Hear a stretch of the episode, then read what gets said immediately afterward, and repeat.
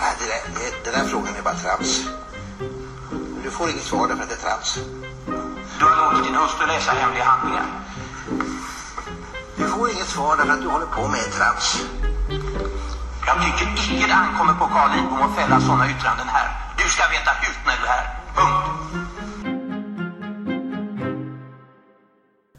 Hej och välkomna till T1-podden. Hej Patrik! Hej Moa! Idag ska vi ha tema religion och vi har två gäster här. Och den första är Lotta Lervall. Vill du säga någonting kort om vem du är? Ja, jag är professor i förvaltningsrätt. Eh, intresserad av mänskliga rättigheter. Mm. Började min karriär med diskrimineringsfrågor men håller nu på med utbildning och utbildningsrätt. Ja, vi tänkte ju prata lite om religion i skolan med dig. Så det kanske är huvudanledningen till att vi har bett dig komma hit idag. Precis. Och sen är det Victoria Enqvist. Vem är du? Jag är lektor i offentlig rätt och har hållit på väldigt mycket med mänskliga rättigheter. Och jag började min karriär med religionsfrihet eh, men har hållit på väldigt mycket med mänskliga rättigheter generellt och också med skolan Mm. och utbildningsrätt. Mm, just det. Tillsammans med Lotta. Just det, precis. Men du har ju även fokuserat på många olika frågor. Med fokus på religion, eller hur? Mm. Mm. Det har jag. Patrik, Mm. du är också en religionsperson. Bland annat undervisar du på teologen och gjort det här på förmiddagen. Ja, det stämmer. Jag undervisar på ett masterprogram i mänskliga rättigheter Mm. som ges tillsammans med teologen, det är teologen i juridikum som ger det. Och här nu har jag suttit tre timmar och eh, haft eh, PM-redovisningar där studenter fått gå igenom de PM de skrivit på min kurs som heter Religionsfrihet i sekulära religiösa kulturer. Så du har liksom tjuvstartat. Verkligen, jag är fullmatad med tankar, frågor och problem. Eh, och det är alla möjliga frågor som tagits upp. Vissa saker som, som man hör om i den så kallade debatten. Med just eh, religiösa friskolor och bönutrop, eh, omskärelse, slöjförbud, är saker som har varit uppe. Eh, men också hamnat i andra diskussioner kring vem som har tolkningsföreträde i religiösa frågor. Är det de religiösa samfunden eller är det domstolen och vad har de för grund? Och olika typer av rättighetskonflikter, positiv, negativ religionsfrihet och massor av sådana frågor som vi hoppas komma in på här idag. Herregud, får vi säga då. Precis. Hur ska vi hinna med allt detta? Um, ska vi börja med att prata om religion i skolan för att få liksom ett konkret exempel på det här med religionsfrihet och religion i samhället, religion inom juridiken, för det är ju det som är syftet med podden kan vi ju påminna lyssnarna om att faktiskt diskutera dagsaktuella frågor eller frågor som är uppe i debatten och frågan om vad juridik är för någonting. Vad är en juridisk fråga? och så. Varför forskar du om det här överhuvudtaget? Eh, om religiösa friskolor. Ja, det sa vi knappt, men religiösa friskolor är ditt Ja. ämne. Ja, i, det började faktiskt för ja, tre, fyra år sedan så fick jag ett samtal ifrån en journalist som undrade om vad jag tyckte om att eventuellt förbjuda religiösa friskolor. Det var väl i samband med att den här debatten drog igång överhuvudtaget. Och då var jag inte så insatt i frågan, men jag kände ju till första tilläggsprotokollet i Europakonventionen, andra artikeln, och tänkte att nej, men det här är ju ingenting i den artikeln som skulle hindra ett förbud mot religiösa friskolor. För den här journalisten var väldigt säker på att eh, Europakonventionen skulle stoppa allting. Och det blev ju ganska klart att det var ju det hon ville att jag skulle säga. Och jag var lite tveksam till det, så det blev inget sagt. Och hon, det blev ingen intervju och ingen artikel med mig med heller för den delen. Men då började det gnaga hos mig att hur är det egentligen? Får man förbjuda religiösa friskolor eller ligger Europakonventionen i vägen, lägger den hinder? Så då blev det en artikel om det. Men enkelt. berätta lite mer, vad då Europakonventionen? Vad finns det i Europakonventionen som skulle kunna stoppa? Ja, det friskolor? finns ju i artikel 2 i första tilläggsprotokollet så finns det en artikel som dels säger då att eh, ingen får nekas utbildning. Jag kommer inte ihåg exakt formuleringen, men den är inte formulerad som rätt till utbildning, men egentligen har den samma innebörd. Och sen finns det en andra mening som jag inte heller nu kommer ihåg exakt i ordalydelsen, men som går ut på att ehm, eh, staten får inte utforma en utbildning som är utformad på ett sådant sätt så att den strider mot föräldrarnas religiösa eh, trosuppfattning eller filosofiska uppfattning. Eh, och den där artikeln har ju då tolkats som att föräldrar har en absolut rätt att bestämma barnens utbildning. Eller det to- inte tolkas av rättsliga instanser utan vi vanliga dödliga tänker oss att det är det som den betyder. Men läser man domstolens domar så är det ju inte det den säger egentligen utan det den säger är att utbildningen ska skydda barnen mot indoktrinering. Den ställer krav på att utbildningen ska vara objektivt utformad, pluralistisk och icke indoktrinerande.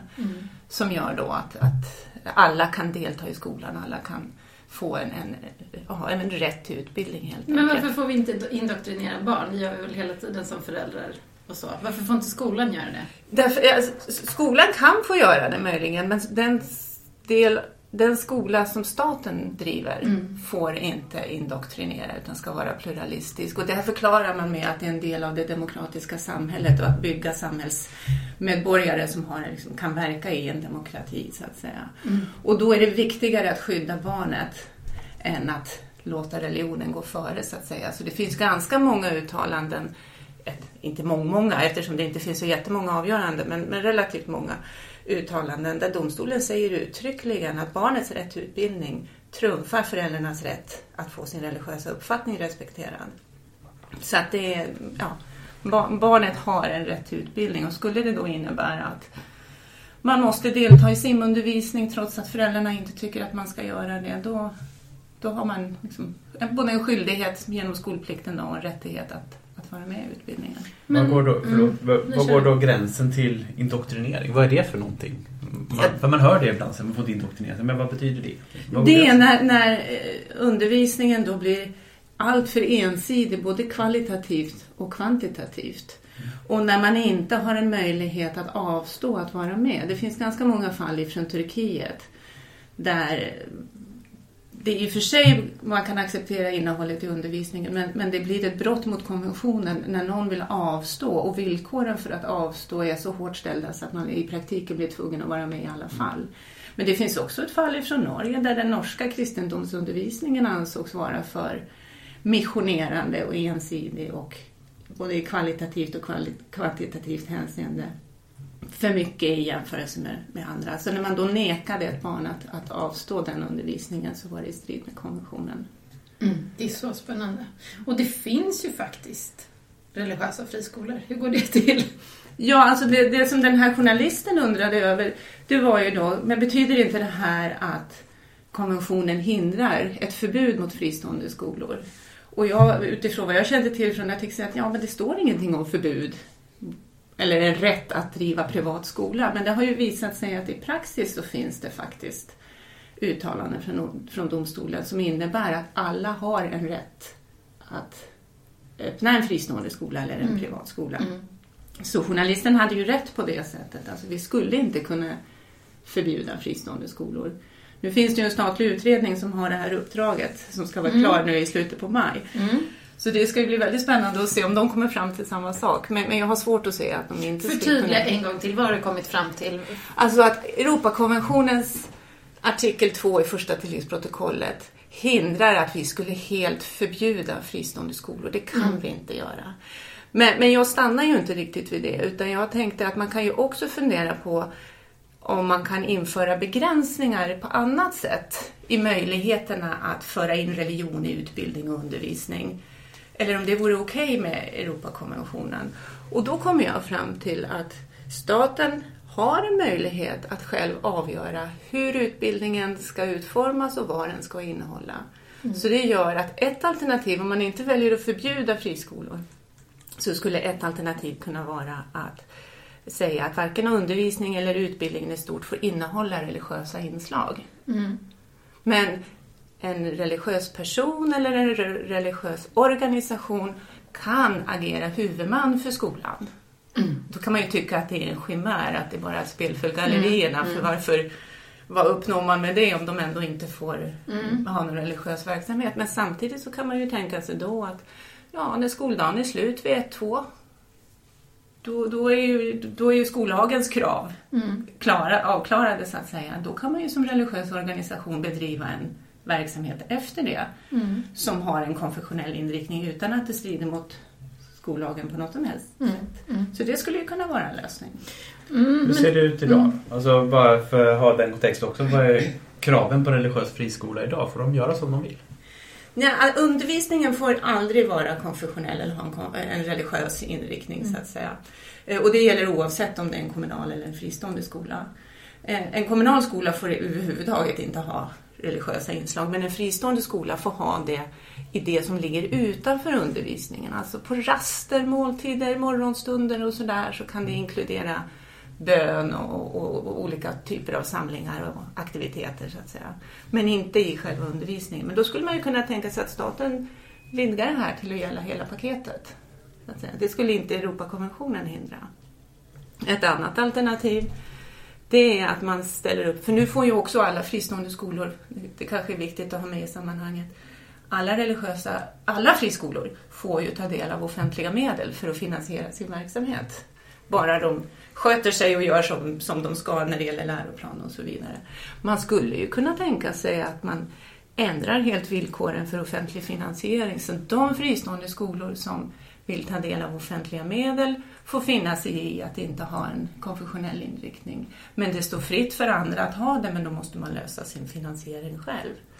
Men då måste vi också ändra med avgiftsförbud och så vidare som, som det är idag. Så då får vi gå tillbaka till hur det var ja, 60-70-talet. Då hade man ju avgifter och annat.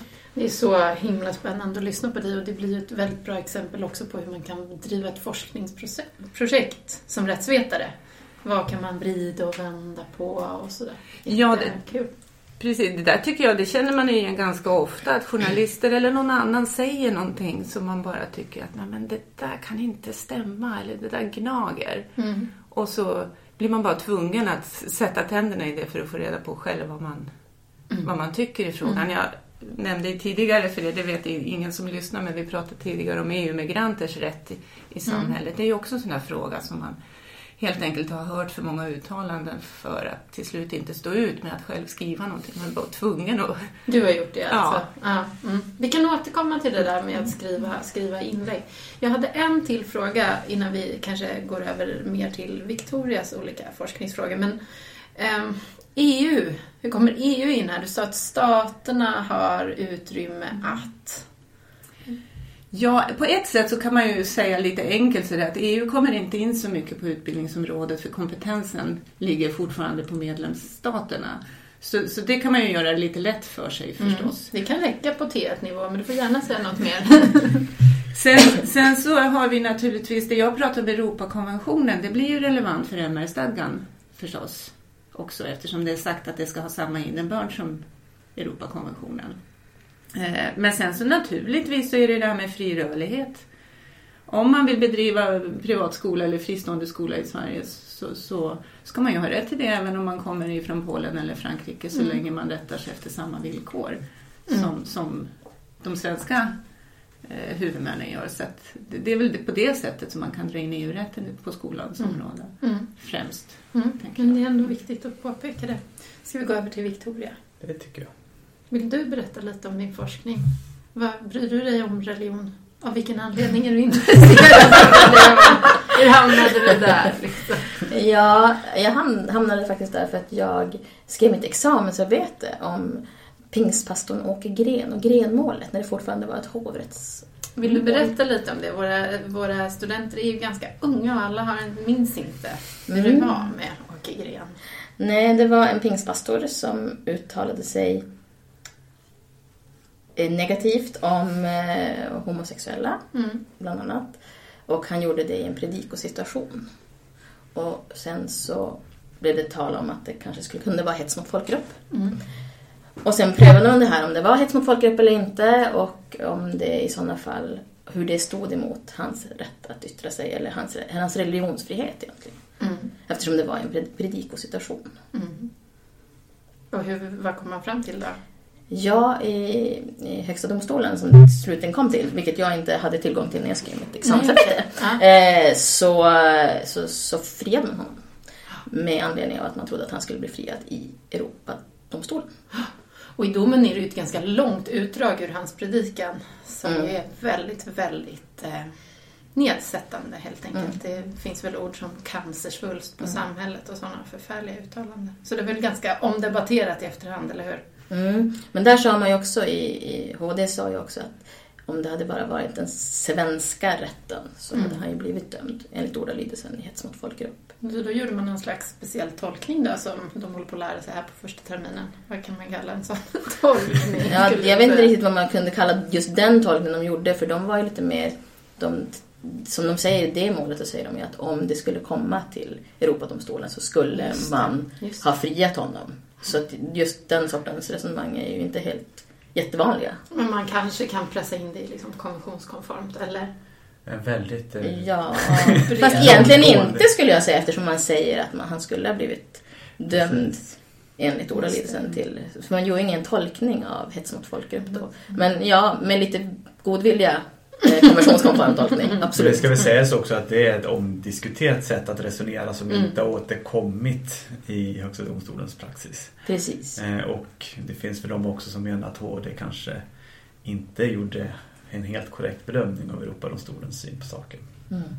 Jag har ju också hört religionsvetare eller teologer som har skrivit om de där frågorna och menar att det absolut inte är religiöst att uttrycka sig på det sättet och att man har Nej. lite grann kringgått synen på religion. För vad hände sen då, när du hade skrivit det här? Ja, då hände mycket saker sen. Men, eh, men jag sökte till doktorand Mm. eh, till, på juridikum och eh, blev antagen faktiskt. För att skriva om religionsfrihetens rättsliga ramar. Mm.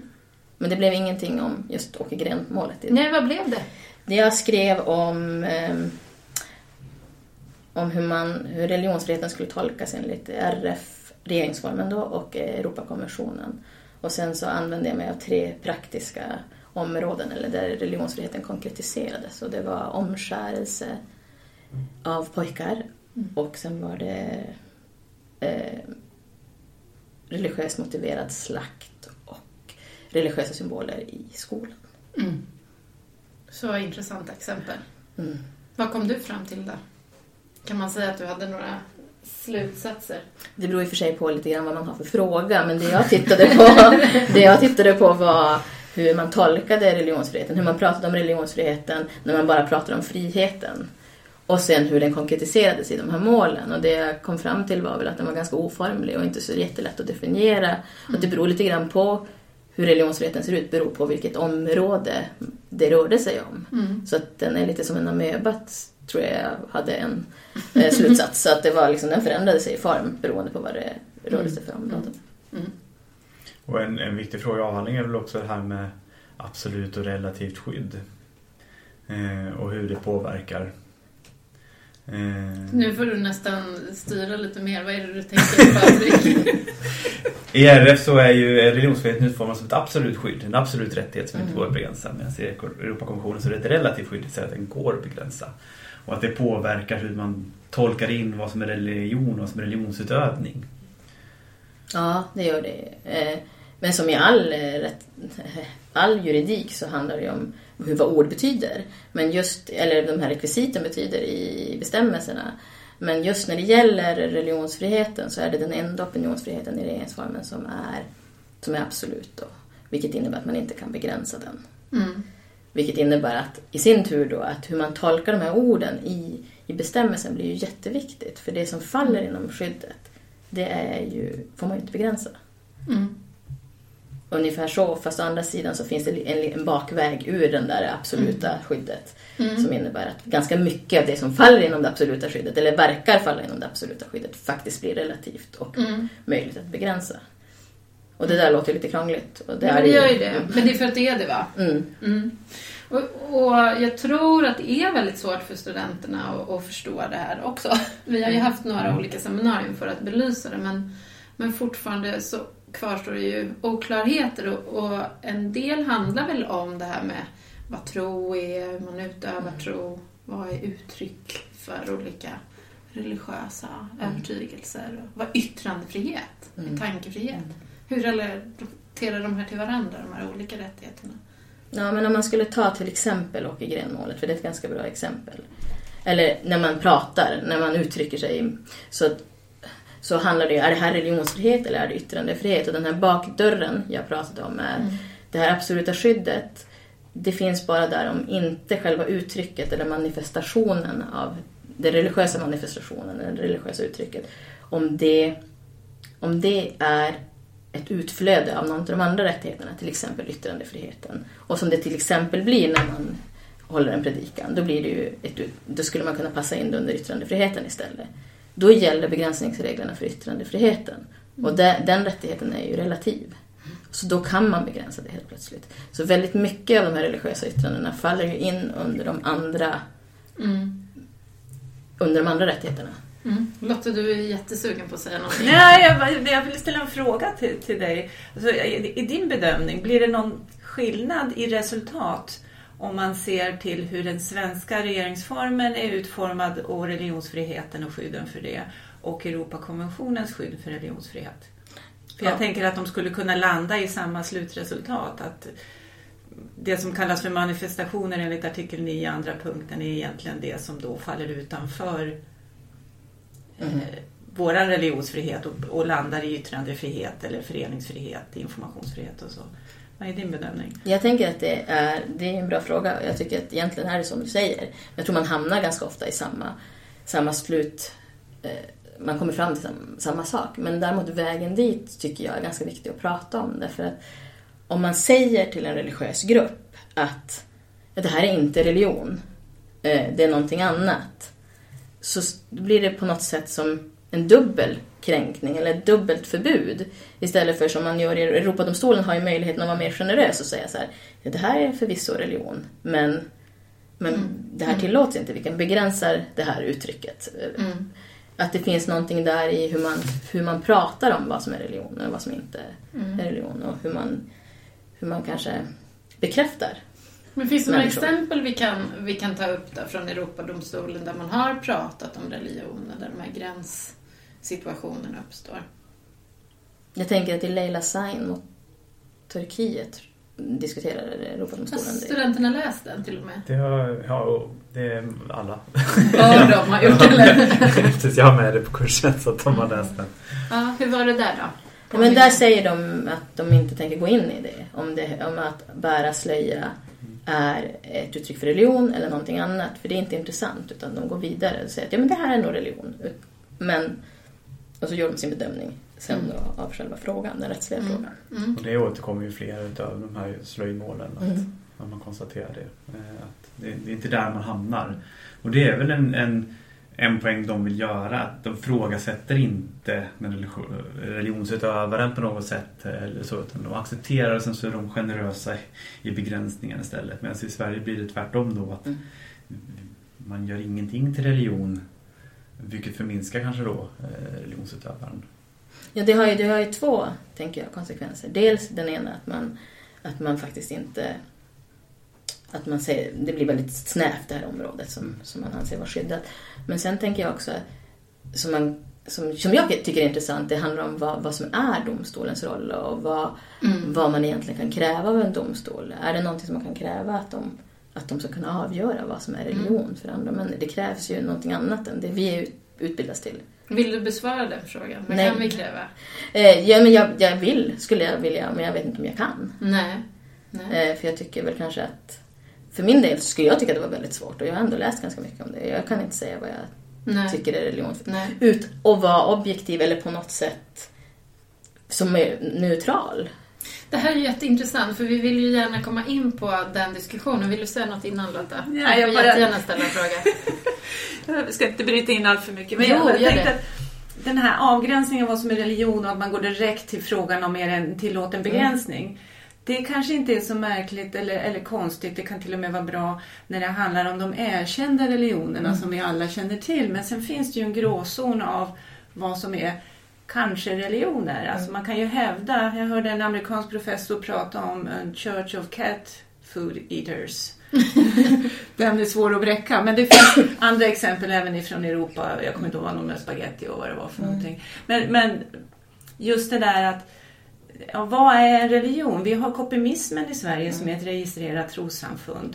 Berätta för mig. Kopimismen? Ja, vad är det? Jag ska jag raljera, för jag vet väldigt lite om det. Ja. Ska jag raljera så är det Piratpartiets religiösa falang. Så, som förespråkar vad jag förstår då alltså en, en, en fri fildelning.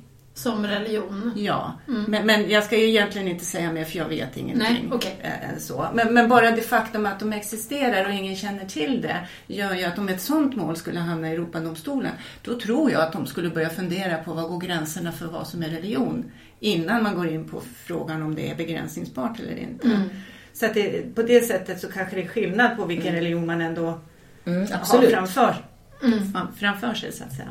Men det tror jag också man ser, som jag uppfattar det i alla fall, en, en, man ännu mer, så förr pratade man mer om det här med genuin link, alltså att det fanns en genuin link, länk mellan religionen och utövandet. Men det känns också som att det pratar man inte heller lika mycket om nu för tiden utan att man accepterar mer att det är uttryck för religionen eh, i Europadomstolen. Men, men Lao har vi inte nämnt. Hur var det där då?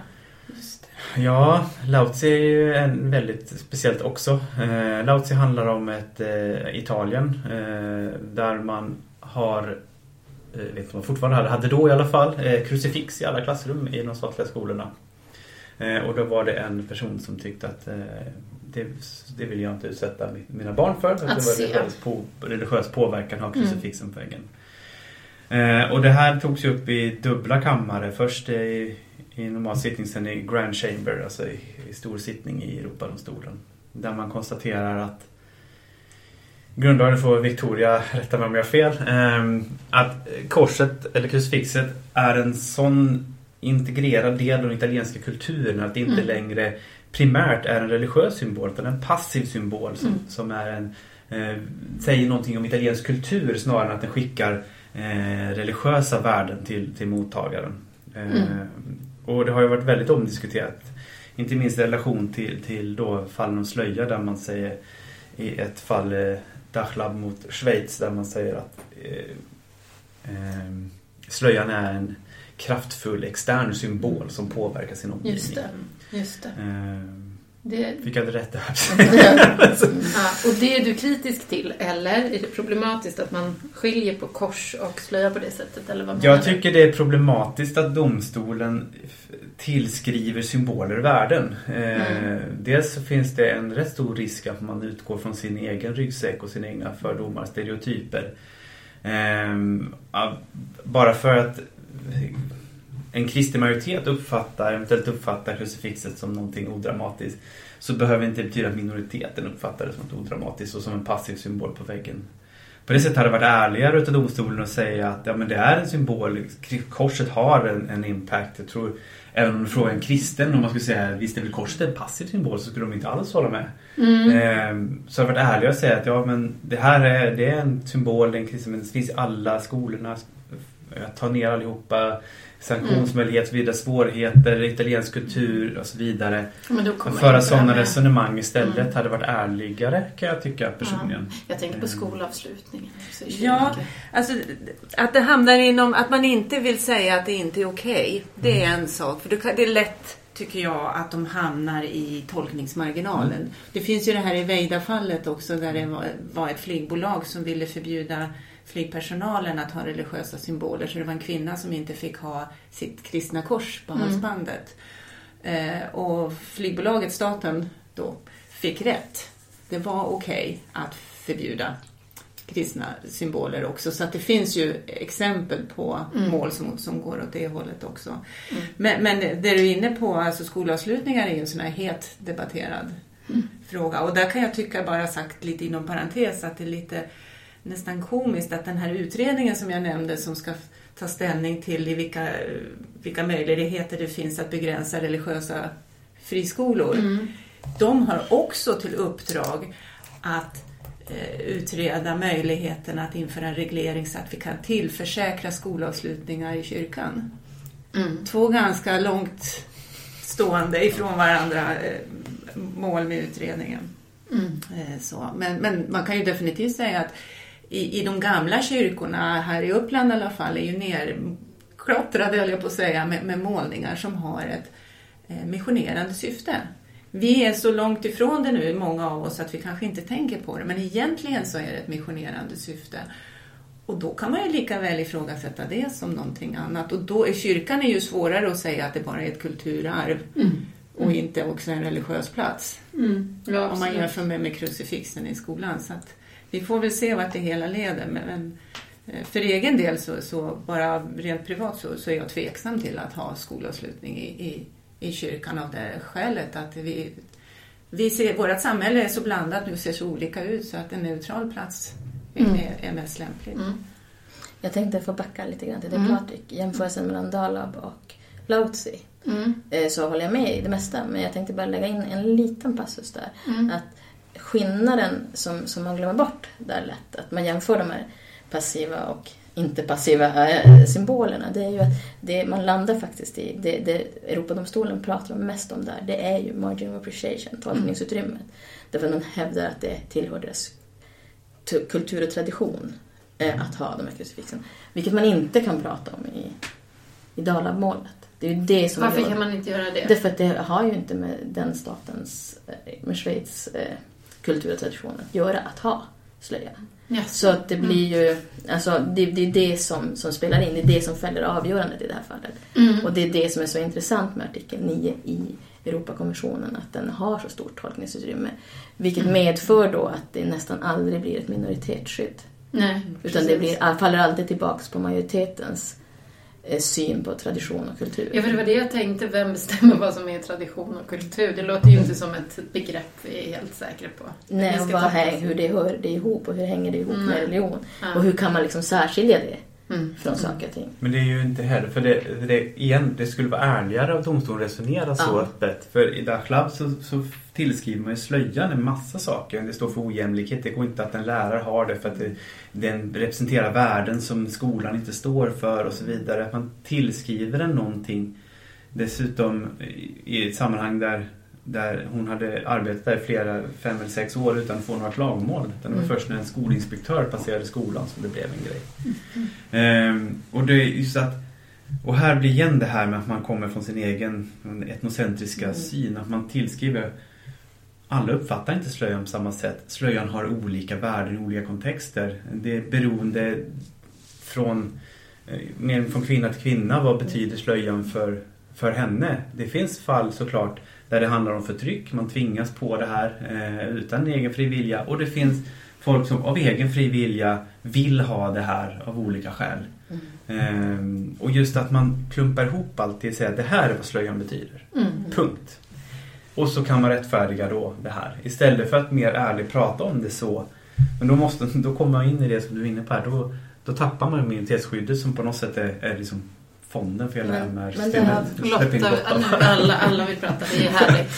Ja, Jag tycker det ligger jättemycket i det du säger och det är klart att eh, om man läser flera av domar som rör olika typer av religioner och olika länder så, så kan man ju få en misstanke om eh, Eh, den vita medelålders manliga homogeniteten i domstolen eller vad vet jag, man kan bli misstänksam. Men jag tycker också att man måste komma ihåg att domstolens uppgift är att ta ställning till om en stat har gått över gränsen för vad konventionen tillåter. Och det gäller både Dachlab-fallet, Lautsi och Leila Sahin och, och alla de här. Och då är det inte så märkligt, tycker jag, att man går med på att Schweiz har den inställning de har. För det, det kostar ganska mycket att gå in och säga att nej, ni gjorde fel.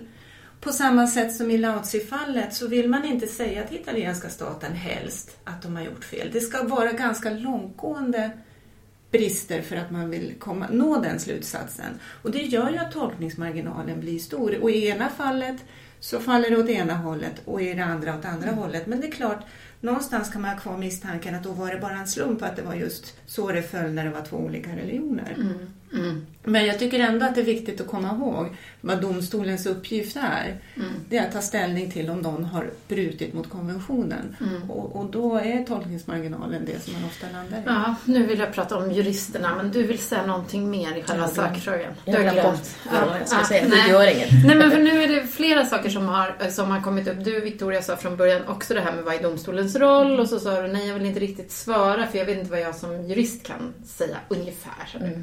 Men det var ju också så att du skrev en debattartikel, jag kommer inte ihåg när det var. Vilket år var det? Minns du det? Var det förra året? Det kan det ha varit. Ja. Jag är inte riktigt säker nej, men- nej, men det var i alla fall en jämförelse med bönutrop som religionsfrihet, om det nu störde vår negativa religionsfrihet att lyssna på bönutrop. Och så skrev du en debattartikel och jämförde med kyrkklockor. Och vi snodde ju lite den här idén till vår introduktionsföreläsning och bad studenterna reflektera lite över det här. Vad var det du skrev i debattartikeln och varför gjorde du det? Jag vill bara säga att det var inte bara jag då som Nej, skrev den här debattartikeln. Mm. Utan det var Kavak Selén och Emma Alm. Mm. eh, Som är en doktor i medicinsk rätt och den andra är doktorand i offentlig rätt. Euro och Europarätt kanske. Vi kan ju säga att Kavotsi Wollén skrev om samvetsfrihet också inom hälso och sjukvården för Mm. barnmorskor. Ja. Ja. Nej men vi... Vad var frågan? Frågan var att du faktiskt valde som jurist att skriva en debattartikel. Varför gjorde du det? Och vad kan man som jurist säga? Det liksom anknyter till varandra lite. Jag tänker att man kan säga ganska mycket som jurist. Det beror på vad man är för slags jurist. Mm. För det första. Anledningen till att vi skrev en debattartikel var att vi tyckte att det hade varit mycket artiklar och mycket debatt om det här med bönutrop som vi ansåg hamnade lite snett. Och att man kanske pratade om samma... Det lät som att man pratade om samma sak fast man pratade inte om samma sak. Eh, att man pratade om rättigheter som om det var någonting som alla... Som att alla utgick från att det var samma... Att han hade samma betydelse, samma innebörd. Men att från en rättslig från ett rättsligt perspektiv så kanske religionsfriheten inte betydde det som det stod i väldigt många andra debattartiklar. Vad var misstaget då? Hur hade de förstått det fel? Vad var det ni ville förtydliga? Ja, och nu så här i efterhand så kanske inte jag kommer ihåg vad de skrev, men jag, vi minns att eh, vi ville liksom ha den här lite mer tekniska, hur, hur, hur fungerar religionsfriheten från ett rättsligt perspektiv? Vad är det som skyddas och hur, hur går man tillväga när man avgör om det här får begränsas eller inte? Mm. Hur är det med bönutrop då? Vad är det för slags... Är, det religion, är vi skyddade från bönutrop som en del av vår religionsfrihet? Borde vi vara Du tänker att den, den negativa religionsfriheten skulle kunna skyddas? Nej, det är det jag ville att du skulle säga. Nej, men det, och det, jag har ju inte gjort någon direkt bedömning, fördjupad bedömning av det, men, men det, det, ett bönutrop skulle ju då kunna vara eh, en, ett av de här utflödena som vi pratade om tidigare, Mm. som, är, som är yttrandefriheten. Och den får man ju då begränsa Mm. med sån lagstiftning som är rättighetsbegränsande. Mm. Och då ska man göra då bedömningar ut, utifrån, utifrån den lagstiftningen. Och den lagstiftningen ska ju också göras en konventionskonform tolkning av. Och det vet inte jag hur det ser ut eh, på ett fördjupat plan, men det är ju så man ska göra. Men där är det ju så himla spännande att flera personer med olika inställning åberopar samma rättighet. Mm. Att den som är för att bönutrop ska få finnas hävdar sin religionsfrihet, sin positiva religionsfrihet, väl. Mm. Och vissa hävdar att vi ska skyddas mot det här. Men då får man ju ställa sig frågan, religionsfrihet, för religionsfrihet pratar man ju om till exempel från teologiskt håll, man pratar om det från filosofiskt håll och man pratar om det från ett rättsligt håll. Vilka, vad är det för religionsfrihet vi pratar om? Mm. Eh, för det är ju helt olika premisser hur man pratar om rättigheten och vad man fyller rättigheten med. Så att då beror det ju lite grann på Mm. Vem det är som säger vad och, Mm. eh, och på vad man har för grunds, grundutgångspunkt. Men ni, gick ändå, ni, ni valde ändå att inte ta ställning ju. Mm. Det har ju delvis med att göra med att vi hade inte satt oss in i just den här frågan i den lagstiftningen som begränsar, skulle kunna begränsa bönutropet då. Eh, Det hade vi inte satt oss in i utan vi ville mer föra ut våran syn på religionsfriheten. Mm. Men är ni inte också lite intresserade av det här med juristen i samhället? Du sa ju från början att journalisten ringde dig och ville ha ge ett... Du skulle svara någonting som den personen redan hade bestämt sig för att den ville ha en jurist som sa, typ. Så är det ju väldigt ofta tycker jag. Att, att, och då gäller det ju att man, när journalister eller någon annan, men oftast är det väl journalister, om man märker att de är ute efter ett, ett visst svar, att man inte ger det svaret om man inte är beredd att stå för det. För det är ju så att, att åtminstone är min bild så, att man litar på jurister. Om en jurist har sagt någonting, då, då vill man gärna tro att det är så det är, för de vet minsann. Och då är det, då, åtminstone från forskarhåll så är ju vår roll att hålla emot och, och, och säga någonting när vi kan någonting och annars så, så, så avböja svaren. Vill man vara med och påverka opinionen så kan man väl det, men då ska man inte klä i sig sin yrkesroll utan då får man göra det privat. För att det ska vara värt någonting att uttala sig som jurist. Sen naturligtvis är man advokat eller har någon annan typ av juristroll så har man ju en särskild uppgift. Då blir det ju en ensidig utsaga så, som man ger i sin syn på rätten. Men, men som forskare så, så ja, då, då vill det till att man vet vad man pratar om, tycker jag. Finns det situationer där du tycker att forskare ska gå ut? Alltså vi som rättsvetare har vi en skyldighet att säga nu, nu måste vi säga något. Ja, jag tycker att det börjar allt mer bli så. Eh, Som offentligrättare så är det ju, ligger det ju en väldigt nära att tänka rättsstat och demokrati. Och det är ju någonting som känns allt mer utsatt för, för hot och påtryckning nu i de här dagarna. Och då tycker jag det är extra viktigt att vi som jurister eh, faktiskt säger ifrån. Som Victoria när hon läser. Eller som jag gjorde när jag har, har hört saker som jag tycker det känns fel. Och som är väldigt heta i debatten. Att man då i, i debattartiklar eller i rättsvetenskapliga artiklar faktiskt skriver ner hur det här är det som gäller. Det är så här det ser ut. Gillar man inte det, ja men då får man ändra lagstiftningen. Hur känner du inför den här intervjusituationen? För den kan jag själv ibland tycka lite så här, man säger massa saker men man vet aldrig vad det är som sen blir resultatet utav det. Alltså, kan- ibland så får man ju möjlighet att kommentera. Mm. Skriver. Just det, det får man. Jag vill ställa frågan till dig Patrik, för du är ju faktiskt i media en del och nyligen var det någon som var hemma hos dig och intervjuade dig. Vilken fråga var det nu? Det var medborgarskap för IS-terrorister. Just det. Eh, Men hur tänker du? Det är jättespännande att höra vad du tänker också när du ska säga Nej, men jag är inne på samma linje egentligen som, som Lotta. Eh, att jag tackar bara ja när jag känner att det är någonting jag behärskar ordentligt. Mm. Jag känner att men det här kan jag stå för och jag har på fötterna egentligen oavsett vilken fråga som kommer. Mm. Eh, och jag tycker också att vi, både i rollen som jurister och i rollen som forskare på ett universitet, har en skyldighet också att dela med oss av vår kunskap. Det är en del av vårt uppdrag är att dela med sig av, av det vi kan eh, Mm. när vi har möjlighet. Sen så just den här eh, med IS, med, där satt jag ner 20-25 minuter och blev intervjuad och det blir 15-30 sekunder Mm. på Aktuellt och så. Som just som forskare och jurist så känner jag att jag vill utveckla min tal.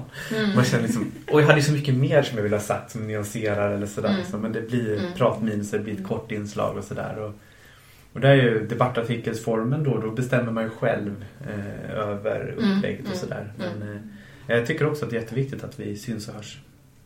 Ja, men jag tycker ju inte alls att det är så jätte, jättekul. Eh, Just med den sortens intervjuer. Just på grund av att jag inte har kontroll över vad det är som blir slutresultatet. Mm.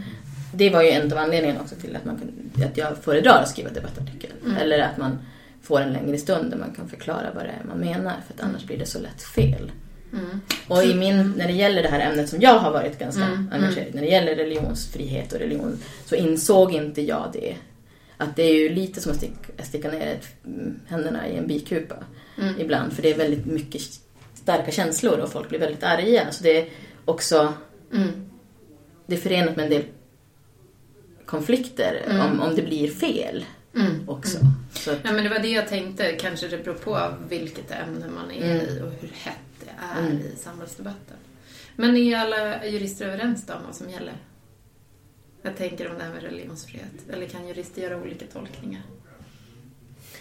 Det var så här Ja. dåligt. Slå in en öppen dörr. Precis. Så är det väl alla i rättsliga frågor, att, de- eller inte alla men i många, framförallt de här svåra som handlar om, om tolknings... Eh, när man ska tolka situationer, tolka rättsregler så folk hamnar i olika slutsatser. Och, och där som vi har pratat om eh, hela tiden här egentligen just det här liksom, vad är religion? Vi har inget svar på den frågan. Vad, vad är religiöst? Vad är traditioner, kultur? Hur ska vi väga det mot varandra? Tolkningsmarginalen som ju är ibland lite oförutsägbar vart den, vart den slår ut eh, när man ska titta eh, på, på praxis och så vidare. Då kan man göra olika tolkningar.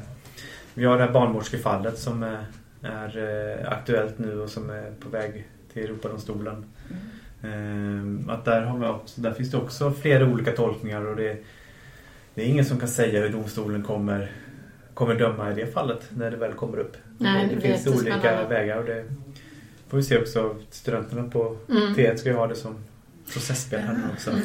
Spännande. Men en liten brygga över till nästa podd, det är ju faktiskt att vi ska intervjua en politiker. Vi behöver inte säga än vem det är, men just för att diskutera det här med att jurister kan vara politiskt aktiva samtidigt. Hur påverkar det juristrollen? Och får vi lov att vara människor när vi till exempel är anställda av ett universitet? Får vi vara politiskt aktiva och samtidigt liksom bundna av RF1.9 och kravet på saklighet och opartiskhet och sådana saker. Kan vi vara det?